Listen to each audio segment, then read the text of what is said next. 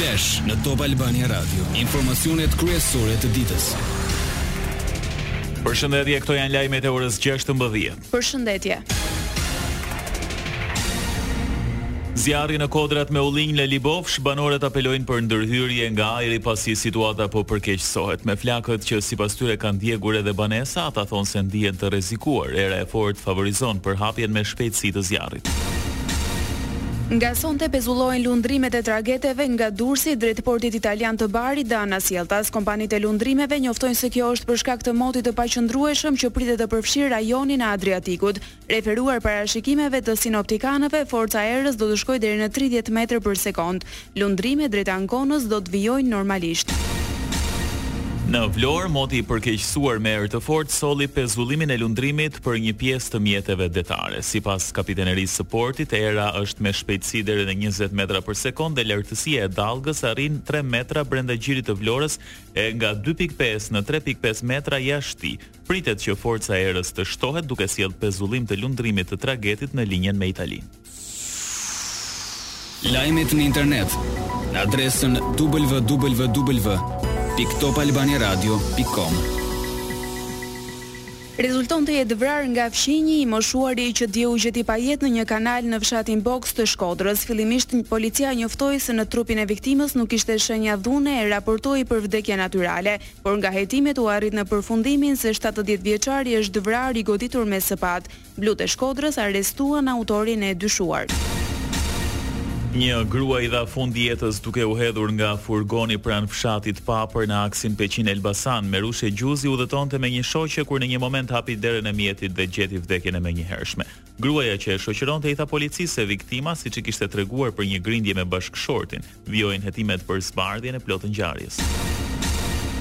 Kundër vendimit të Apelit të Posaçëm që e la në burg ish-kryebashkiaku i Durrësit, Vangjush Dako bëri rekurs në Gjykatën e Lartë. Dako kërkon ndryshimin e masës arrest me burg. Kërkesa e regjistruar nga gjykata u depozitua dy ditë më parë. Re, re, relator i çështjes u caktua gjyqtari Ilir Panda. Ankimimi pritet të shqyrtohet në ditët në vijim. Prokuroria e Elbasanit shpall moskompetencën për grupin e Laert Haxhiut duke ia kaluar çështjen SPAK-ut. Hetimet konkluduan se kanë të bëjnë me një grup të strukturuar kriminal, çka çoi në shpalljen e moskompetencës. I shumëkërkuari i drejtësisë shqiptare mbahet në një burg grek e vazhdon betejën ligjore për të mos u ekstraduar në Shqipëri.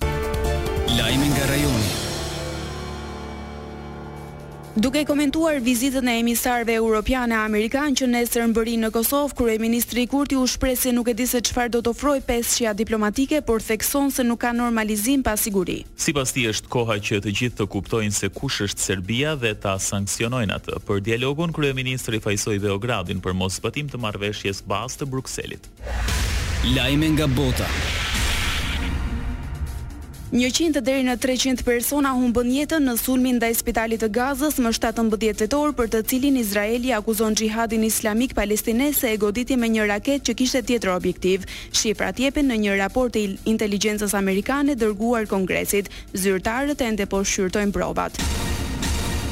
Udhëheqja amerikane mban botën së bashku, tha presidenti Joe Biden gjatë një fjalimi duke theksuar se duhet të thellohet mbështetja e Shteteve të Bashkuara për Ukrainën e Izraelin. në kohën kur këto dy vende po përballen me luftëra të përgjakshme.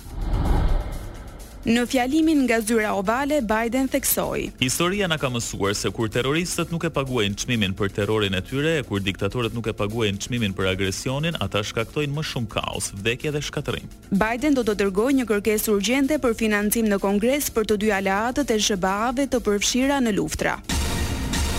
Për shefin e OKB-së Antonio Guterres asnjë zgjidhje nuk është e mundur pa krijimin e një shteti të pavarur palestinez krah për krah me Izraelin nën garanci reciproke të sigurisë e në përputhje me vendimet ndërkombëtare si dhe marrëveshjet mes palëve.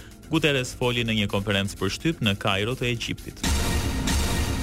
Kamionët me ndihma duhet të lëvizin drejt Gazës sa më shpejt që të jetë e mundur, tha Sekretari i Përgjithshëm i Kombeve të Bashkuara. Këto komente i bëri në Rafah, që është pikëkalimi i vetëm që lidh Egjiptin me Rripin e Gazës. Guterres apeloi që një numër i madh i kampionëve të hyjnë në Gaza çdo ditë. Të paktën tetëmbëdhjetë persona janë arrestuar në Francë pas një vale të re kërcënimesh me bomba duke nxitur evakuime. Pallati i Versajës, Luvri, si dhe shkolla, aeroporte e spitale u shënjestruan. Kërcënimet vijnë në kohën e rritjes së tensioneve në Francë, pasi një mësues u vra me thikë nga një xhihadist javën e kaluar. Parashikimi i motit.